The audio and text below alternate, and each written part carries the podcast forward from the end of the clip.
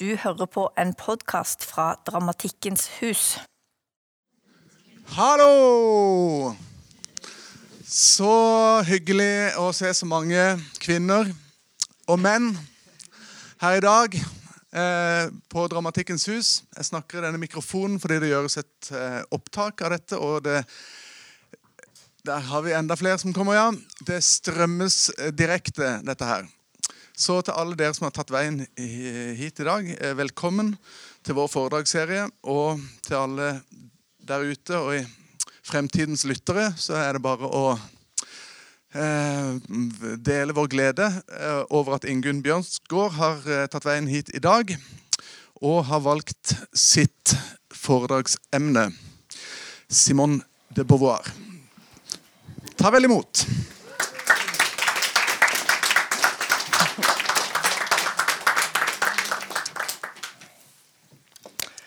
Skal vi se Ja. Ja, jeg skal lese et foredrag um, om Simone de Beauvoir. Mitt møte med forfatterskapet til den franske feministen og eksistensialisten Simone de Beauvoir fant sted tidlig på 90-tallet. Sammen med billedkunstner og scenograf Kristel Sverre diskuterte jeg og leste Det annet kjønn, den første norske oversettelsen, i en forkortet versjon av originalen. Simone de Beauvoir ble født i 1908 i Paris og døde også der 78 år gammel. Hun kom fra borgerskapet og gikk på en katolsk pikeskole. Og siden på Sorbonne, hvor hun studerte filosofi. Sommeren 1929 traff hun Jean-Paul Sartre ved en eliteskole i Paris, hvor hun som kvinne ikke hadde adgang, men kunne gå opp til avsluttende prøve. Sartre og Beauvoir etablerte et forhold som varte livet ut, og de utgjorde sammen et legendarisk intellektuelt kraftsentrum i fransk kulturliv. Beauvoir valgte å ikke føde bar, barn, og giftet seg ikke, men hadde flere frie forhold. Beauvoir har gitt ut en rekke kjente romaner, essay og filosofiske bøker. Hennes kanskje mest berømte verk er Det annet kjønn, utgitt i 1949, bok 1 og bok 2, og tar opp kvinnens stilling i samfunnet, og er et grunnleggende verk for 1900-tallets feminisme med stor innflytelse på europeisk og amerikansk kvinnebevegelse. Da hun begynte å skrive boken i 1946, hadde kvinnene hatt stemmerett i Frankrike i kun ett år. Det er senere gitt ut en rekke bøker og avhandlinger som av analyserer og kritiserer det annet kjønn. Beauvoir er nå meget anerkjent, og det utgis nye skrifter fra henne i år. Jeg kommer i dette foredraget til å forholde meg til boka 'Det annet kjønn', sett i forhold til mitt arbeid som koreograf. På 90-tallet leste jeg flere bøker av henne. Jeg fant inspirasjon i Bevar på den, den gangen. Jeg koreograferte på den tiden tre forestillinger med bare kvinnelige dansere. Feminismen sto kanskje lavt i kurs på 90-tallet, som jeg opplevde det. Jeg var interessert i feminisme, men distanserte meg fra direkte kvinnekamp. Tiden for feminisme er blitt annerledes nå. For min del har jeg en evig interesse av å utforske kjønnenes ulike tendenser. Det kvinnelige og det mannlige, det menneskelige. Femininitet, androgynitet, myter, mytologi og arketyper. Da jeg i 2016 bestemte meg for å igjen å skape et verk for kun kvinnelige dansere, hadde jeg selv mye motstand mot denne avgjørelsen. Jeg kunne føle det bakoverstrebersk å terpe og synliggjøre noe kvinnelig. Jeg har etter hvert utviklet temaene i min virksomhet til det menneskelige. Det vil si der mellommenneskelige forhold står i fokus.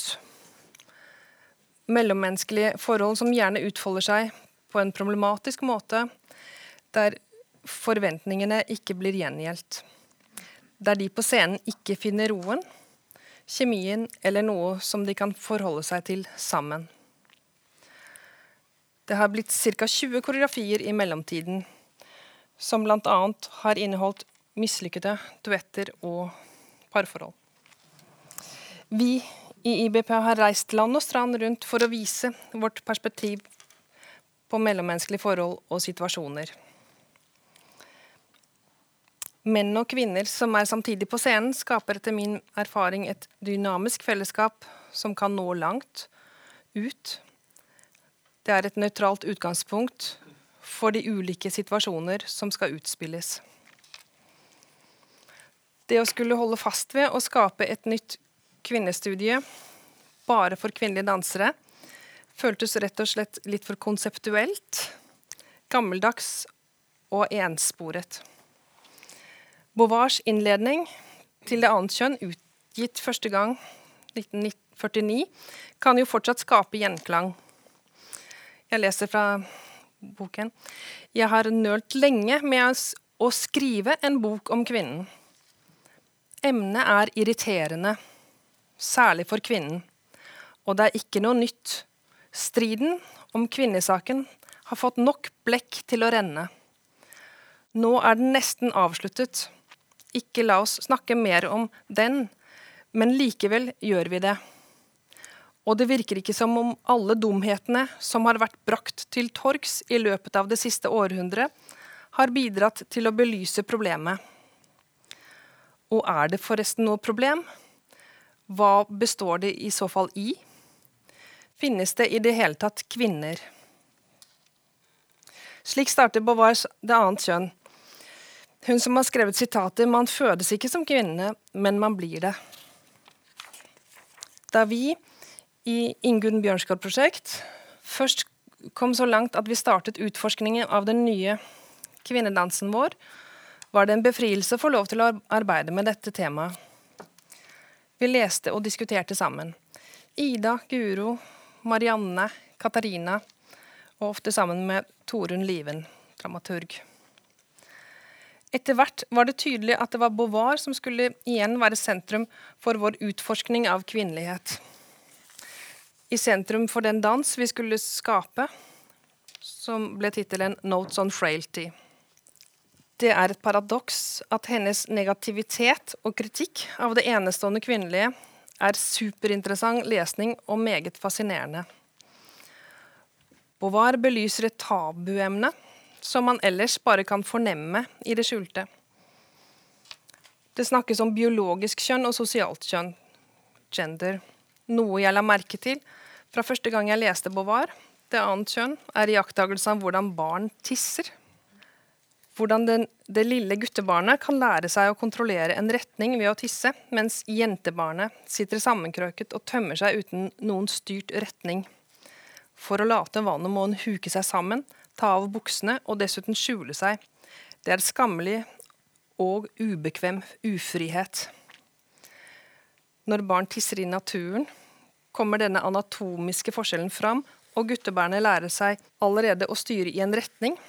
Urinen kan sendes langt av sted. Gutten får en allmektighetsfølelse. Denne retningen som utspiller seg, kan ses i sammenheng med en form for transcendens mens jentebarnet later vannet uten å kunne styre retninger. Det blir på stedet. Jeg leste også Camille Paglia, 'Sexual Persona', på denne tiden, som kan ses som en etterfølger av Beauvoir. Hun fortalte historien videre. Mannlig urinering er i virkeligheten en oppnåelse, en bue av transcendens. En kvinne derimot vanner bare grunnen hun står på. Samtidig, skriver Beauvoir, at det er samfunnet som har gjort at kvinner blir støkk i immanens. De biologiske forskjellene er der uten at det er grunnen til at kvinnen har blitt det annet kjønn. Om denne tissehistorien står det også i dagens, skriver hun, i dagens vestlige samfunn sier sed og skikk at de skal sitte sammenkrøpet, mens det å stå blir forbeholdt mennene. Denne forskjellen er den mest slående seksuelle differensieringen for småpiken. Hun mener at samfunnet lærer jentene å være passive og objektaktige. Immanens er en situasjon som er stagnert, mens transcendens strekker seg mot framtiden gjennom et prosjekt som åpner for frihet. Det er tradisjonelt typisk kvinnelig å bli i immanens, og typisk mannlig å være transcendent. Det er et mål for kvinner å gjøre valg som fører til deres egen transcendens, slik at de kan oppnå frihet. Beauvoir skriver ikke særlig positivt om immanens. Det beskrives på ulike måter som en situasjon som kvinnene blir i, lett opptatt av, gjentagelsen, hengende fast i, og som et slags objekt der det transcendente er subjektet. Det er ingen likeverdige motpoler. Immanens er på en måte svakhetene som det annet kjønn står fast i, mens transcendens er den egenskapen som kan oppnå frihet. Derfor er det mye en mye viktigere situasjon. Det kan leses som ambisiøse egenskaper som dyrker egoet og beveger seg i en retning. Det å godta å bli betatt av en annens eller flere andres transcendens og finne sin ro gjennom dette, beskrives som uheldig. Boka kan leses på mange måter. Det er mange avdelinger og veldig mange kapitler, mange lag, og den er svært kompleks. Jeg har valgt en del sitater fra boka som kan, være, som kan virke kvinnefiendtlige. Ehm, men jeg går tilbake på 90-tallet. Jeg leste bøker, kilder, som nå er forsvunnet fra min boksamling om kvinnelig passivitet, som var konstruktivt begrunnet. Jeg gjorde min forestilling 'Sleeping Beauty' i 1993 og fant materiale til arketypen som forklarer tornerose. Jeg husker jeg leste om en innadvendt tilstand, en egen introvert verden, hos unge kvinner. Der hun, eller jomfruen, ble dratt inn i en tilstand som skulle utvikle kvinnelig modning.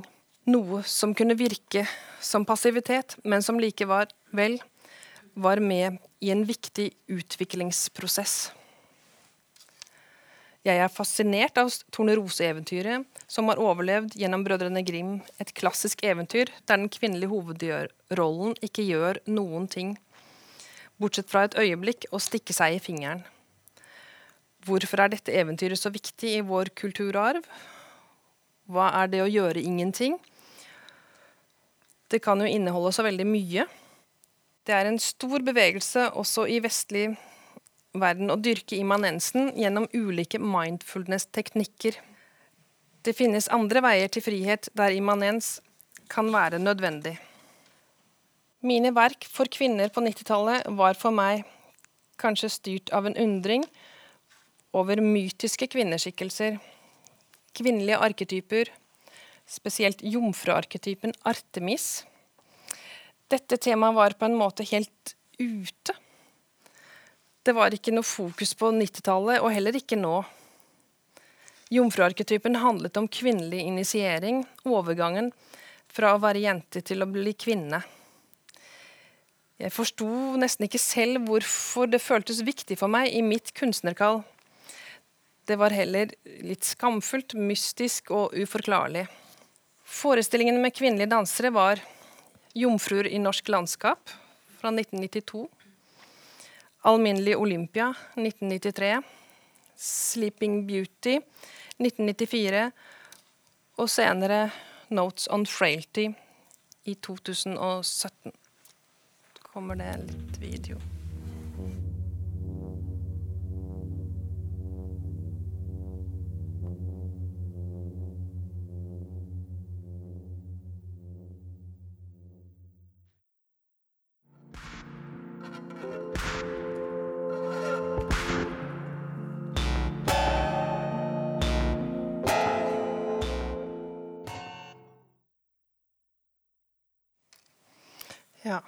Var en liten bit av notes on frailty.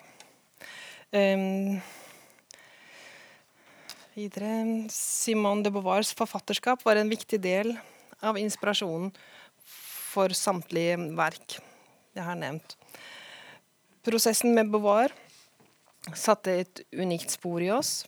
Teksten 'Det annet kjønn' går tidvis voldsomt løst på det typisk kvinnelige. Noe som paradoksalt nok er igangsettende og gir oss nye muligheter. Den skaper en fin og sint stemning. Vi vet også at boka gir oss noe som er bra for menneskeheten. Notes on frailty forsøker å gå et langt løp fra immanens til transcendens i sin dramaturgi. Vi arbeider med å være subjekt og objekt, bli sett på og se på. Vi jobber med forventninger til hvordan man skal være, og selv bestemme hvilken vei man vil gå. Erfaringer fra våre egne liv fikk nye perspektiv. Vi ble i større grad bevisstgjort hvilke mekanismer som er med og styrer oss. Jeg iakttar når jeg skriver om dette at Beauvoir bygger ikke opp under noen opphøyde kvinnelige egenskaper. Hun beskriver kvinnelig væren samtidig som hun kritiserer den kraftig. Hun beskriver forventningene til den kvinnelige væremåte, og hvorfor kvinnen så lett opprettholder dette mønsteret og svarer til det samfunnet forventer av henne som kvinne. På en måte latterliggjør hun kvinnen og ironiserer over hennes lettvinte løsninger for å oppnå tilfredsstillelse hos menn. Samtidig ligger det et håp for Beauvoir at kvinnen skal finne sin riktige plass i samfunnet. I det annet kjønn viser hun til hvorfor historien gjør at kvinnene ender opp som det annet kjønn. Men det er et voldsomt kritisk, hvordan, kritisk til hvordan kvinnene fungerte på 40-tallet. Hun beskriver kvinners naturlige søken om transcendens gjennom sine menn. Hun kritiserer deres ønske om å være et objekt som de passer inn sammen med, og underlagt et mannlig subjekt. Det dreier seg om en søken mot frihet, der begge parter i et forhold skal tilnærme seg sin egen transcendens. Transcendens og immanens kan selvsagt fungere av uavhengig og motsatt av mann og kvinne. Det er to tilstander, én med retning og en som blir i det som allerede er. Beauvoir skriver om hvordan kvinner legger for mye vekt på sin livsledsager og tilegner han de beste egenskaper, noe som også kan være tyngende for partneren. Kvinnen stiller for store krav til sin mann og kaller han gjerne for genial. Hun legger stor verdi i sin investering av ektemann. Hennes situasjon i sin immanens skal etter planen hele livet transcenderes gjennom han. Maktkampen mellom kvinnene for å kontrollere mennene er også detaljert beskrevet. Og det undres om hvorfor en undertrykt gruppe som kvinnene ikke kan samles, men bare stilles opp mot hverandre. Toril Moi skriver kvinners oppdragelse påtvinger dem kvinnelighet. Det vil si at den får dem til å oppfatte seg selv som den andre i forhold til menn. Det annet kjønn definerer altså kvinnelighet negativt. Som en måte å være på som forutsetter at menn er absolutte og vesentlige, kvinner relative og uvesentlige. Man er i Norge i dag vant til at det i stor grad settes pris på kvinnelige egenskaper. Det føles litt slemt å kritisere kvinnelige egenskaper. Det er kanskje i dag mer akseptert å kritisere mannlige egenskaper. Jeg skal lese litt fra utdrag fra kapitlet om prostituerte og hetærer. Ehm, det at det er nødvendig å behage individer eller mengden, gjør stjernen i slekt med hetæren. De spiller en lignende rolle i samfunnet. Jeg vil benytte meg av ordet hetær for å betegne alle kvinnene som behandler ikke bare sin kropp, men hele sin person som en kapital de kan utnytte. Deres holdning er svært forskjellig fra en skapende kunstner, som ved å transcendere seg selv i et verk overskrider det gitte og påkaller en frihet i den andre som han åpner framtiden for. Hetæren avslører ikke verden. Hun åpner ingen vei for menneskelig transcendens. Hun prøver tvert imot å fange den til sin egen fordel ved å gi seg hen til sin, sine beundreres bifall.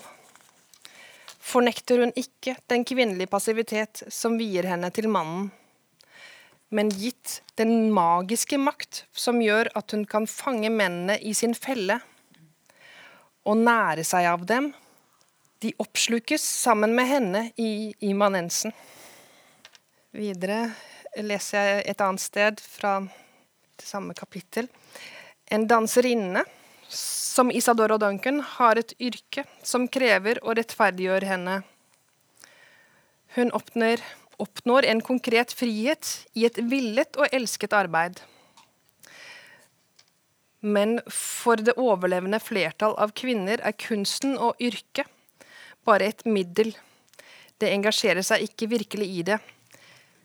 Særlig filmen, der filmstjernen er underlagt regissøren tillater henne ikke å være oppfinnsom eller gjøre fremskritt ved hjelp av å skapende aktivitet. Kurtisanen ønsker et yrke som kan tjene som alibi. Jeg er fascinert og sjokkert over hvordan kvinnelige kunstneres virksomhet kan beskrives å være så nært sammenlignet med den prostituerte eller kurtisanen og hvordan en vakker kvinne kan bli enda mer attraktiv hvis hun blir kunstner. Beauvoir refererer tidvis til kvinnen som narsissisten. Det som er klart, er at omstendighetene oppfordrer kvinnen i større grad enn mannen til å vende seg mot seg selv og vie sin kjærlighet til seg selv. Fordi kvinnen ikke kan fullbyrde seg selv gjennom prosjekter og mål prøver hun å gripe seg selv i sin egen persons immanens. De største er ekte kunstnere som transcenderer seg selv i den rollen de skaper. Den tredjerangs skuespillerinnen derimot bryr seg ikke om det hun gjør, men om den æren som faller på henne. Hun prøver framfor alt å fremheve seg selv en hardnakket narsissist vil være begrenset i kunsten som i kjærligheten, fordi hun ikke kan gi seg hen. Kvinnelige kunstnere omtales i det annet kjønn på en nesten håpløs måte. Det er lett å forstå at daværende kvinnelige kunstnere ikke satte pris på hennes uttalelser det som hovedsakelig mangler hos kvinner i dag for at hun skal gjøre store ting, er å glemme seg selv. Men for å glemme seg selv må man først være sikker på at man har funnet seg selv. Kvinnen er en nykommer i mennenes verden, og hun får ikke særlig støtte av dem, så hun er fremdeles alltid opptatt med å lete etter seg selv. Det finnes en kategori kvinner som disse bemerkningene ikke passer på fordi deres karriere styrker deres kvinnelighet og slett ikke ødelegger den. Det er de som gjennom kunstnerisk uttrykk prøver å overskride seg selv som gitte. Skuespillerinner, danserinner og sangerinner. I tre århundrer har de vært nesten de eneste kvinnene som har hatt en konkret uavhengighet i samfunnet. Nå skal vi få et kunstnerisk innslag av danserinne Ida Vigdel og skuespillerinne Andrine Sæter. Kvinnen har en tendens til å legge for stor vekt på små nederlag og beskjedne suksesser. Enten mister hun motet, eller hun svulmer av forfengelighet. Når man har forventet suksess, mottar man den på en enkel måte, mens den blir en berusende triumf hvis man har tvilt på å oppnå den. Det er unnskyldningen til de kvinnene som blir fra seg av viktighet, og som åpenlyst smykker seg med hver minste prestasjon. De ser seg stadig tilbake for å måle hvor langt de har gått, og da mister de farten. På denne måten kan de oppnå en aktverdig karriere, men ikke utføre store bedrifter. Det må legges til at mange menn også bare greier å skape seg middelmådige skjebner.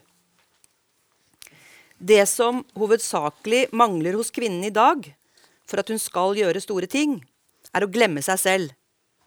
Men for å glemme seg selv må man først være helt sikker på at man har funnet seg selv. Kvinnen er en nykommer i mennenes verden, og hun får ikke særlig mye støtte av dem, så hun er fremdeles altfor opptatt med å lete etter seg selv. Det finnes én kategori kvinner som disse bemerkningene ikke passer på. Fordi deres karriere styrker deres kvinnelighet, og slett ikke ødelegger den. Det er de som gjennom et kunstnerisk uttrykk prøver å overskride seg selv som gitte. Skuespillerinner, danserinner og sangerinner. I tre århundrer har de vært nesten de eneste kvinnene som har hatt en konkret uavhengighet i samfunnet. Og de har fremdeles en privilegert plass.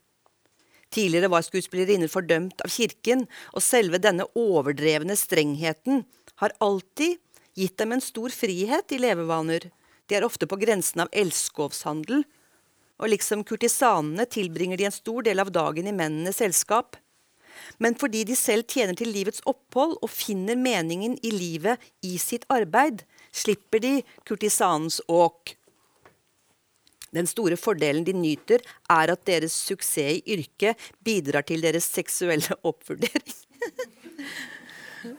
Akkurat som når det gjelder mennene.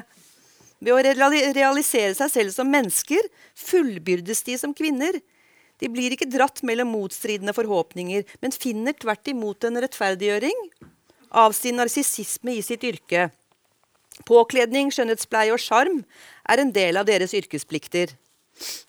Det er en stor tilfredsstillelse for en kvinne som er forelsket i sitt eget speilbilde, å gjøre noe bare ved å vise frem det hun er. Og denne fremvisningen krever samtidig tilstrekkelig kunstferdighet og studier til å virke som en erstatning for handling. En stor skuespillerinne sikter enda høyere.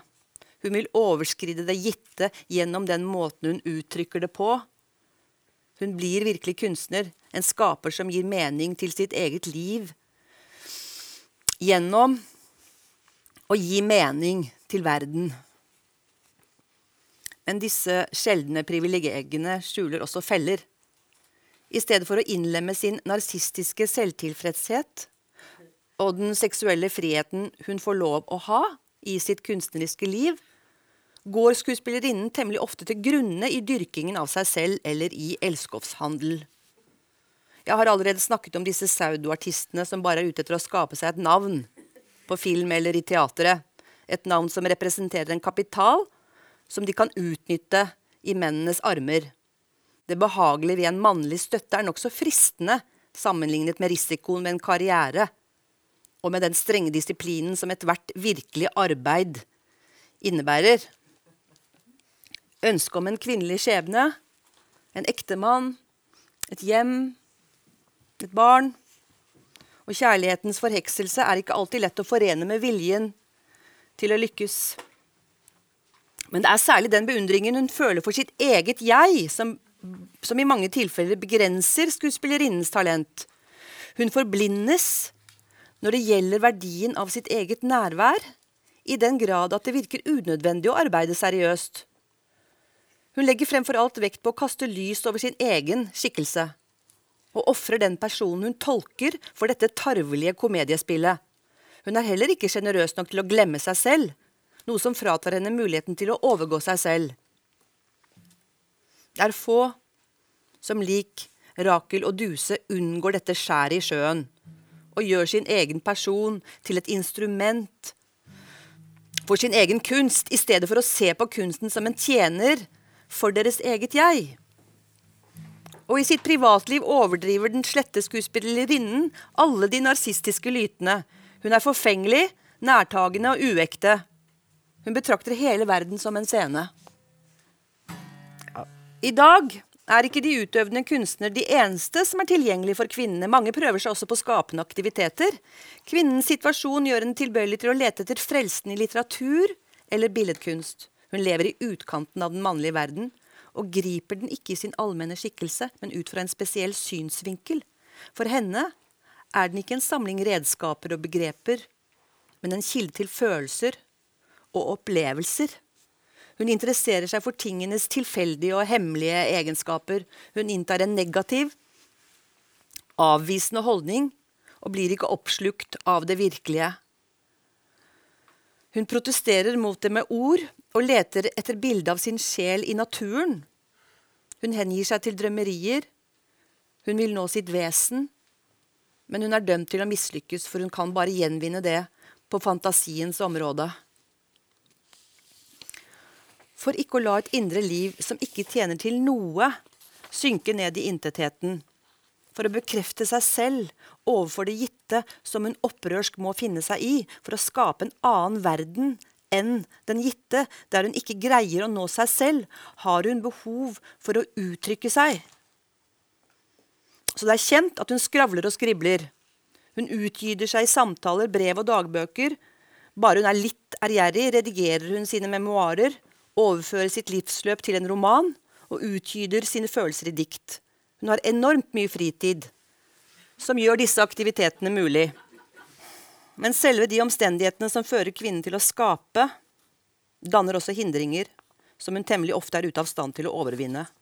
Når hun beslutter seg for å male eller skrive, bare i den hensikt å fylle sine tomme dager, blir bilder og skriveforsøk behandlet som håndarbeid. Hun vier dem ikke mer tid eller omhu enn det, og de vil ha omtrent samme verdi. Det er ofte i overgangsalderen at kvinnen kaster seg over penselen eller pennen for å fylle hullene i sitt liv. Det er temmelig sent. Og fordi hun ikke har noen seriøs utdannelse, blir hun aldri noe annet enn en amatør. Og selv om hun begynner ganske ung, er det sjelden hun ser på kunsten som et seriøst arbeid. Hun er vant til ørkesløshet og har aldri i sitt liv følt nødvendigheten ved streng disiplin, så hun vil ikke være i stand til en langvarig, utholdende anstrengelse. Hun vil ikke disiplinere seg selv til å tilegne seg en solid teknikk. Hun viker tilbake for den ensomme, utakknemlige famlingen som ikke vises. Det arbeidet man må ødelegge og gjøre om igjen utallige ganger. Og fordi hun har lært å jukse, allerede fra barndommen for å behage, håper hun å slippe unna med noen triks. Kvinnen leker gjerne at hun arbeider, men hun arbeider ikke. Hun tror på passivitetens magiske egenskaper og blander sammen besvergelser og handlinger, symbolske bevegelser og virksom atferd. Hun kler seg ut som elev ved Beaux Art. Hun bevæpner seg med sitt arsenal av pensler, og der hun står foran staffeliet, flakker blikket hennes fra det hvite lerretet til speilet. Men blomsterbuketten og eplekrukken kommer ikke og tegner seg inn på lerretet av seg selv. Kvinnen sitter foran det lille skrivebordet sitt og tygger drøv på vage historier. Hun sørger for et fredelig alibi for seg selv ved å innbille seg at hun er forfatter. Men hun må komme så langt at hun skriver tegn på det hvite arket, og de må ha en mening i andres øyne. Da avsløres jukset. For å behage er det tilstrekkelig å skape blendverk, men et kunstverk er intet blendverk. Det er en solid gjenstand. For å lage det må man kjenne sitt yrke. Men de fleste kvinner forstår ikke de problemene som oppstår ved deres ønske om å kommunisere, og det er det som for en stor del forklarer deres dovenskap. De tror at deres fortjenester kommer fra en iboende nåde, og tenker seg ikke at verdi kan erobres. For å forføre vet de ikke om annet enn å vise seg frem. Deres sjarm virker eller den virker ikke. Og de har ingen innflytelse på suksess eller fiasko. Så de antar at det på lignende måte er tilstrekkelig å vise hvem man er for å uttrykke seg, i stedet for å utforme sitt verk ved et gjennomtenkt arbeid stoler de på sin spontanitet og skrive eller smile. Det er ett og det samme for dem. De prøver lykken, og så blir det suksess eller ikke. Hvis de er sikre på seg selv, regner de med at boken eller bildet vil bli vellykket uten anstrengelser. Hvis de er for sakte, vil den minste kritikk ta motet fra dem. De vet ikke at en feil kan åpne veien til fremgang. De ser på den som en uopprettelig katastrofe, lik en misdannelse. Det er derfor de ofte er så nærtagende, at det blir skjebnesvangert for dem. De erkjenner sine feil med irritasjon og motløshet i stedet for å trekke en fruktbar lærdom ut av dem. Det synes som om det å velge, det å stryke, er å avvise en del av seg selv. Og hun vil ikke ofre noe av det, både fordi hun liker seg som det hun er, og fordi hun ikke håper på å bli en annen. Hmm. Det kan være provoserende å lese om hvor latterliggjort kvinnelige kunstnere blir omtalt. De er de som strever med å bli akseptert, som blir på en måte trakassert for at de har andre hensikter, med at deres verdi som pyntegjenstand er sterkere enn deres prestasjon som kunstner. Det er tidvis beskrivelser av middelmådige pariserkvinner som ikke virker særlig sympatiske. Men kvinnebeskrivelsene skal likevel støtte en positiv utvikling for både menn og kvinner. Vi lever i et land der likestillingen i samfunnet har kommet langt. Per i dag er kanskje kunstfeltet et område som er preget av store ulikheter mellom mann og kvinne, og forventningen til den enkelte kunstner. Det kan være et toppnivå av få mannlige kunstnere og en stor mengde kvinnelige kunstnere som ikke blir oppfattet som det øvre eller det geniale sjiktet. Innenfor billedkunst er det tydelig at, de, at enkelte mannlige kunstnere blir satset på eller kanonisert på en måte som ikke finner sidestykke blant sine like begavede kvinnelige kollegaer. Innen dansen er det stort flertall kvinnelige aktører, men det er påfallende hvor store forventninger som stilles til enkelte mannlige aktører, som også blir mest synlige. Det er forskjellige arenaer innen dansen. Kvinnelige koreografer kan nå høyt opp, men det er i hovedsak bare menn som kan bli med når det kalles mesteraften i operaen. De koreografene som skaper repertoarverk som blir satt opp ved ulike ballettkompanier i operaer rundt i verden, er nesten utelukkende mannlige koreografer.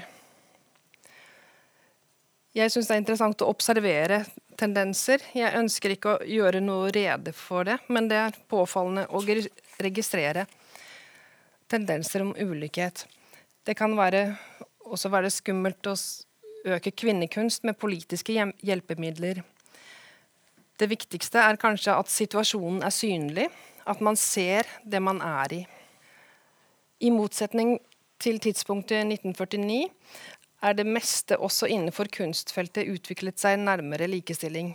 Det annet kjønn kan fortsatt trekke fram tabu-uttalelser som ellers ikke ville vært tilgjengelige. Kanskje derfor vekker boka energisk interesse og skaper fortsatt forståelse for samfunnet vi lever i. Beauvoir prøver å forklare mannlighet og kvinnelighet ut ifra historiske forskjeller, og ønsker ikke å framheve biologiske forskjeller mellom kjønnene. Derfor setter hun ikke de typisk kvinnelige egenskapene som spesielt verdifulle. Selv om kvinnelige egenskaper er beskrevet negativt, finnes det i denne boka en unik og omfattende oversikt over typisk kvinnelige egenskaper. Beauvoirs tanker om framtiden var også at en ny tid ville komme. Forfatteren Karl Marx har helt nye ideer om likestilling, står det. Det er bare så vidt nevnt på slutten av det annet kjønn, men sier mye om denne tiden boken er skrevet. Det forventes på en måte at sosialismen skal rydde opp i de tradisjonelle kjønnsrollene som er beskrevet i det annet kjønn. Som om denne historien om kvinne og mann skal endres totalt etter Karl Marx' nyskapende ideer. Leser litt til. Nei, kvinnen er ikke vår kamerat. Av dovenskap og fordervelse har vi gjort henne til et særskilt, ukjent vesen, som ikke har noe annet våpen enn sitt kjønn. Noe som ikke bare betyr evig krig, men krig med uærlige midler. Hun er beundrende eller hatefull, men ingen åpenhjertig ledsager. Et vesen som danner et regiment med kor korpsånd og frimureri. En evig, liten slave som mistror oss. Mange menn vil fremdeles underskrive på Jules Laforgues ord. Mange mener at det alltid vil være kiv og strid mellom de to kjønn. At det aldri vil bli mulig med kameratskap mellom dem.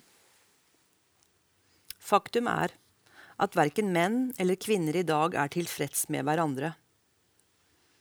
Men spørsmålet er å vite om det er en opprinnelig forbannelse som dømmer dem til å plage hverandre. Eller om konfliktene mellom dem bare er et uttrykk for et overgangsstadium i menneskenes historie. Ja, um, prosessen med Simon de Beauvoir har satt et unikt spor i oss. Jeg vil avslutte med et sitat fra boka 'Filosofiens annet kjønn' av Tove Pettersen. Beauvoir har blitt beskyldt for å bruke en maskulin verdimålestokk og et maskulint utgangspunkt for sin filosofi. Hun synes å ville gjøre kvinnen lik mannen, eller gjøre mannen til kvinnens ideal. Beauvoir har svart på denne kritikken ved å si at de som tar utgangspunkt i at kvinner er essensielt forskjellige fra menn, og vil noe grunnleggende annet enn menn, spiller menns spill. Både menn og kvinner har i seg trangen til å transcendere, til å overskride det gitte og delta i en fellesmenneskelig verden. Menn og kvinner er for Beauvoir først og fremst mennesker. Men kulturen setter grenser for kvinners frihet og muligheter og påtvinger kvinnen en rolle der hun ikke blir sett på som et menneske, men som kjønn nummer to. Ja. Takk, takk for oss.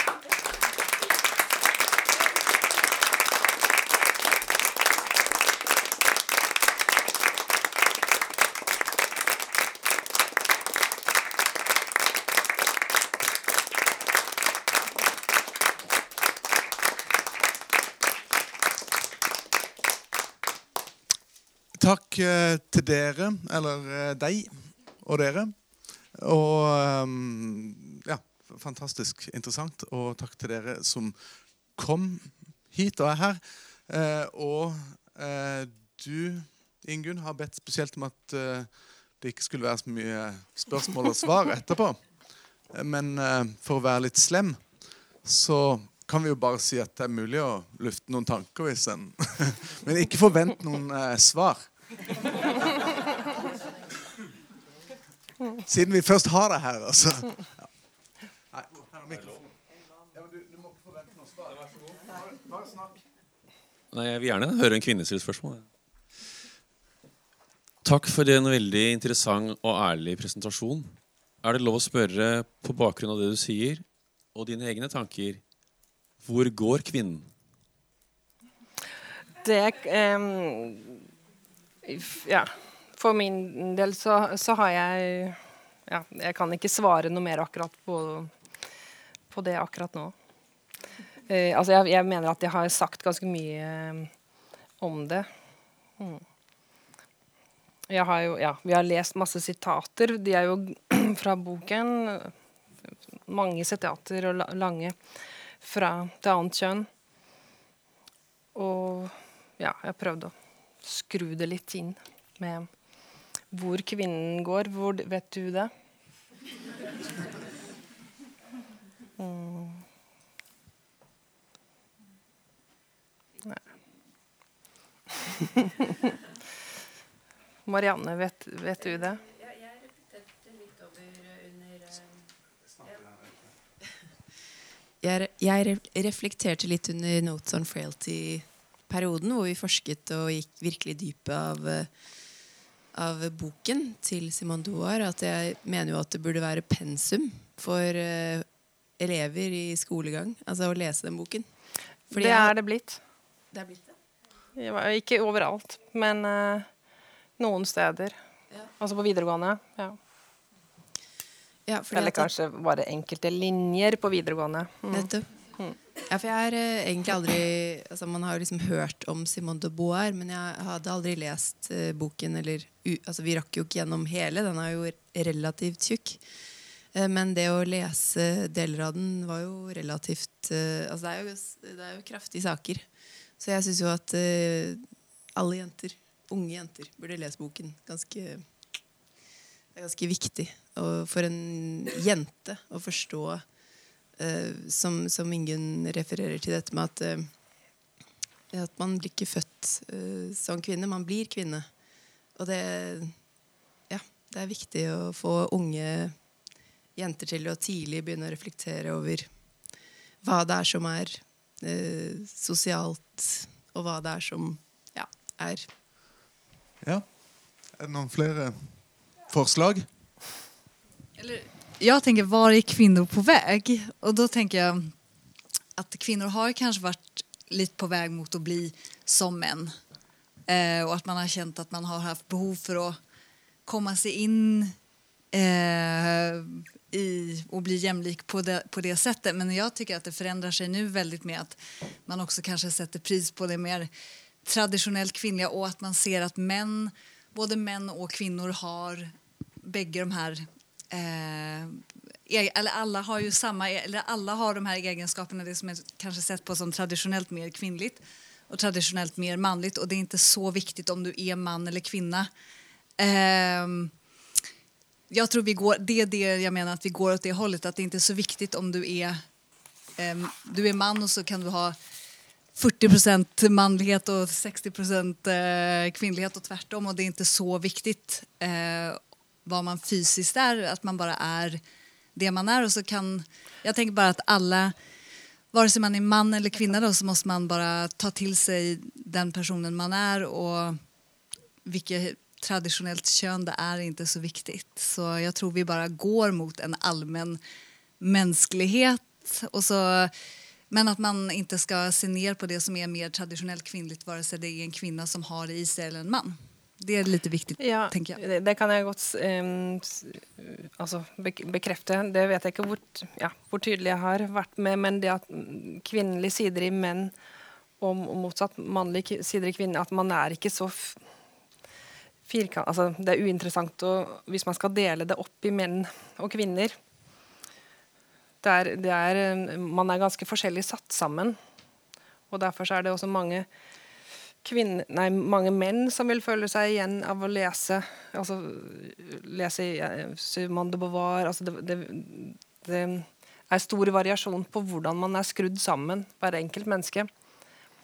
Som gjør, men det, det syns jeg kan gjøre at kvinnelige og mannlige egenskaper kan snakkes om uten altså At man kan slippe å snakke om jeg er kvinne og du er mann, men man kan allikevel se noen at hvordan man er satt sammen. Så det er interessant. Og det gjør det på en måte mulig å, å snakke om det på en, på en måte. Nej, det är trist bara tycker jag att det som är tradd kvinnliga egenskaper har blivit sett ner på.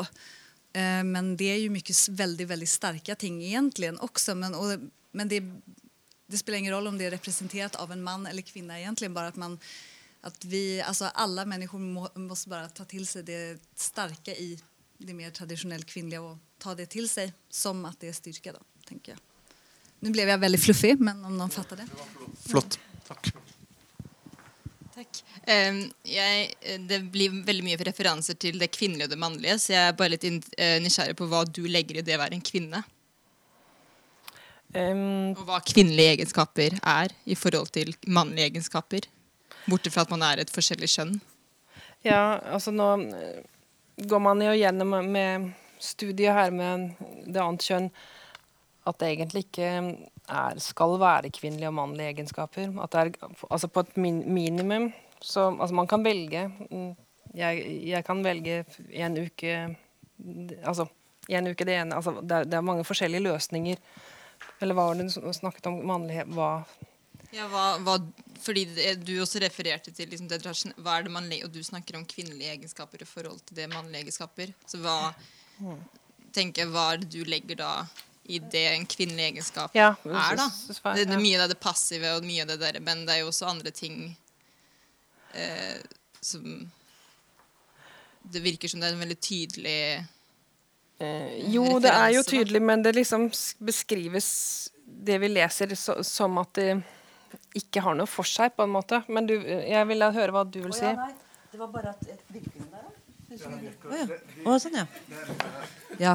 Nei, øh, det var bare at jeg tenkte på med Ingunn. At at jeg så på den Jeg fikk lov å låne den. Vi har ikke sett den øh, live. Den på Popea. som er liksom Det er mannlige og kvinnelige dansere med i den. Og det jeg syns var så fantastisk, var at det er jo altså Kvinnene ser veldig ut som kvinner. Det er liksom, det er liksom liten kaninhare på rumpa på jenter. Og, og det er liksom Og gutta de har shorts, og det er militærmønster på den. Og, og, og det er masse femininitet, og det er masse sånn i uttrykk sånn på kostymer f.eks. Men relasjonene som du har jobbet med der, um, eh, mellom de mannlige og de kvinnelige eh, danserne, er for meg sånn at det kunne godt ha vært byttet. Altså Det er ikke noe sånn at jeg ser at det er mannlig, en mannlig fremtoning på scenen som mannlig danser. At de representerer det mannlige, eller at kvinne, eh, de kvinnelige danserne representerer noe mannlig. Det er på en måte bare eh, mennesker på scenen i situasjoner. Og sånn sett så syns jeg du forsker på det som jeg syns er så interessant, og som jeg også har tenkt masse på i forhold til det dere sier med uh, fra man er liten, liksom, å forstå For jeg har liksom vært skuespiller en stund. og og det, er liksom, det blir jo fort at man skal være den unge jenta, og så skal man jo jaggu være bestemor ganske snart. Men altså, det, det er liksom Det er eh, det spennet i det å være menneske og være på scenen og være f.eks. Eh, altså, Byggbester Solnes, hvem er han, liksom? Altså, kan, kvinne kan vel gjøre akkurat de samme tingene nå. Bygge et høyt tårn, og så detter hun ned. Eller, men jeg syns det er så spennende når vi forsker på det at det ikke er liksom eh, At det ikke er bestemt. For det er jo bare mennesker. Og det er liksom det å gå inn i det i kunsten, da. Er Ja. det jeg liker aller best. Jeg håper jeg kunne være med på sånne ting fremover. Ja, men det er Hvor det er det som, hvor det, er det som skjer. Og ikke den derre Det kvinnelige og det mannlige. Jeg bare har en kommentar. Ja. Eh, Jeg er jo da lillesøster i en familie med Jeg er da lillesøster i en familie med to storebrødre. Og eh, heldigvis så har de to gitt meg nok å bryne på i forhold til å få retning og slike ting. Jeg måtte liksom få en retning, men eh, så var det da det andre med at det ble pålagt meg en viss måte å være jente eh, En ung jente som vokser opp, ung kvinne, kvinne gjennom familiestrukturer og gjennom samfunnet. Så det er klart at det ligger veldig mye eh, i nettopp det. da. Liksom, hva forventer man av jenter, hva forventer man av gutter? Som jeg tenker at der har jo bare alle en jobb å gjøre, på en eller annen måte. Um, å forandre det. Så, for det ligger i det sosiale, i det kulturelle. Uh, men først og fremst så starter det i oss selv, da, som jenter. Men det handler om å forstå. Uh, og nettopp derfor så mener jeg at boken er viktig å lese i ung alder. For jenter, og ikke minst gutter også, men spesielt for jenter. Men at man ifrågasetter forventningene, og så at man bare tillåts være den man er, Det er jo det viktigste, tenker jeg. At man, eh, Ikke liksom at man skal behøve man behöver, skal ikke behøve som kvinne kjenne at man skal være noe annet enn det man ønsker å være. Om man ønsker å være altså, ja, Bare friheten til å være precis den man er, utan at man skal bare ta til seg manliga någon form av egenskaper och känna att det är bättre. Utan bara vara sig själv. Det är det viktigaste tänker jag. Takk. Ehm, eh, bare for å svare på det, det Jeg syns det er veldig fint at man skal se på både kvinner og menn. Jeg er helt enig i det. At uh, man skal kunne referere som mennesker. Men når man da bruker sånne referanser, så er det jo så eh, Jeg følte ikke at jeg helt fikk svar på det, da, men det er helt greit. Eh, men når man bruker sånne referanser, så, man også, så, legger man jo også noe i det, i og med at man bruker det som en referanse. Når du prater til kvinnelige og mannlige, så legger man noe i det. Så, tenk, så det handler kanskje noe om da å slutte å bruke de referansene, og heller da referere til kvinner og menn som mennesker, istedenfor å referere dem som, menn, som kvinner og menn. Um, og det du også det, jeg tror det der med forventninger og sånne familier og sånn jeg, har, jeg har selv vokst opp i en stor familie, og jeg har aldri hatt noen forventning om at jeg skal oppføre meg mer kvinnelig eller mannlig på noen som helst måte. Og det gjør kanskje at man ikke ser på kjønn på samme måte som noen andre, da. Eh, så det, det, handler også mye om oppdragelse, rett og slett, og ikke nødvendigvis om det samfunnet man lever i. Veldig fri, og det er jeg veldig takknemlig for. ja, nei, jeg lurte litt på Du snakka litt om sånn immanens og transcendens. Eh, og at immanens var Det var jo kanskje i, i forhold til hva Simone Beauvoir har skrevet, da. Men eh, jeg syns du nevnte noe om at på en måte immanens i motsetning til det hun på en måte la opp til, da, så kunne det også bli sett altså passivitet, at det kunne bli sett på som en som positiv eh, egenskaper egenskap. Så lurte jeg bare på om du kunne på en måte si noe mer om det, i og med at vi på en måte ofte føler at liksom Ja, vi på en måte vi snakker om forskjellige kvinneroller og, og mannsroller i samfunnet og sånne ting, og egenskaper, men kanskje at på en måte de kvinnelige egenskapene blir liksom Ja, gjerne liksom sett på som noe som må liksom overkommes heller enn å dyrkes, da. Så tenkte jeg bare om, om du ville liksom Det virka som du hadde Du nevnte noe om den immanensen. jo, altså jeg har lest igjennom øh, øh, jeg, jeg, har også gått øh, Altså det som ikke, ikke nevnes i, i altså sånn, sånn, som jeg forstår det annet kjønn, så er det ganske skjevt at immanensen ikke er så beskrevet så positivt. Så jeg har jeg har sagt litt om at, at, det kan ses på en helt annen måte. At det er der man finner mye verdifullt. Ja, for det er på en måte noe det som hun har blitt kritisert for. Ja. ja.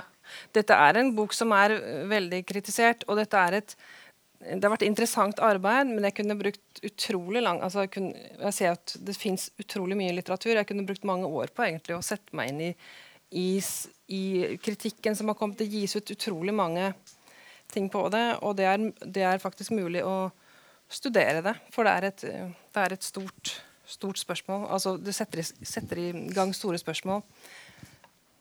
Ja, det var mer til det der at man, man kan være den man er. Det var vel til at man skal få lov å være den man er. Det er for meg som sosiolog litt forenklet eh, fordi vi konstrueres inn i et samfunn hvor det ligger klare kjønnsroller fortsatt, selv om vi lever i 2018. Eh, sånn at eh, vi speiler oss jo i hverandre hele tiden. Og hvem er det mulig å være sammen med deg? Hvem kan jeg bli sammen med deg? Uavhengig av kjønn. Fordi kvinner kan jo også regulere hverandre veldig. Eh, samme som menn kan gjøre. Så det er mer den åpenheten i jeg tenker vi, jeg jobber med, med innenfor en barnehagelærerutdanning. Og jeg holder holdt kurs nå og hvordan foreldre sliter med allerede ikke sant? denne kommersialiseringen av barndommen og klær. Og hvordan jenter og gutter skal se ut. Men det er klart det mennesket som står foran meg, er først og fremst et menneske. Og ikke et, et biolog... Altså det er jo et biologisk kjønn. Men hva jeg kan forvente av deg, er åpent. Og det er mitt poeng. At vi skjønner mye mer enn vi er klar over. Og vi setter merkelapper for hverandre. Og uh,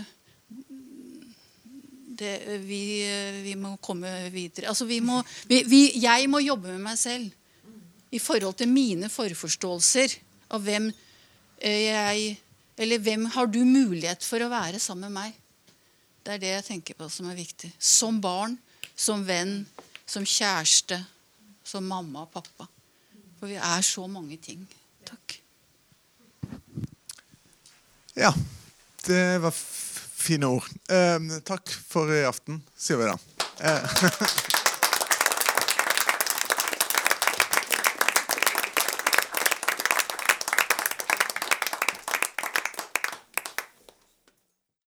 Vil du høre flere foredrag? Se våre nettsider og kom til Dramatikkens hus annenhver tirsdag klokken 19.30.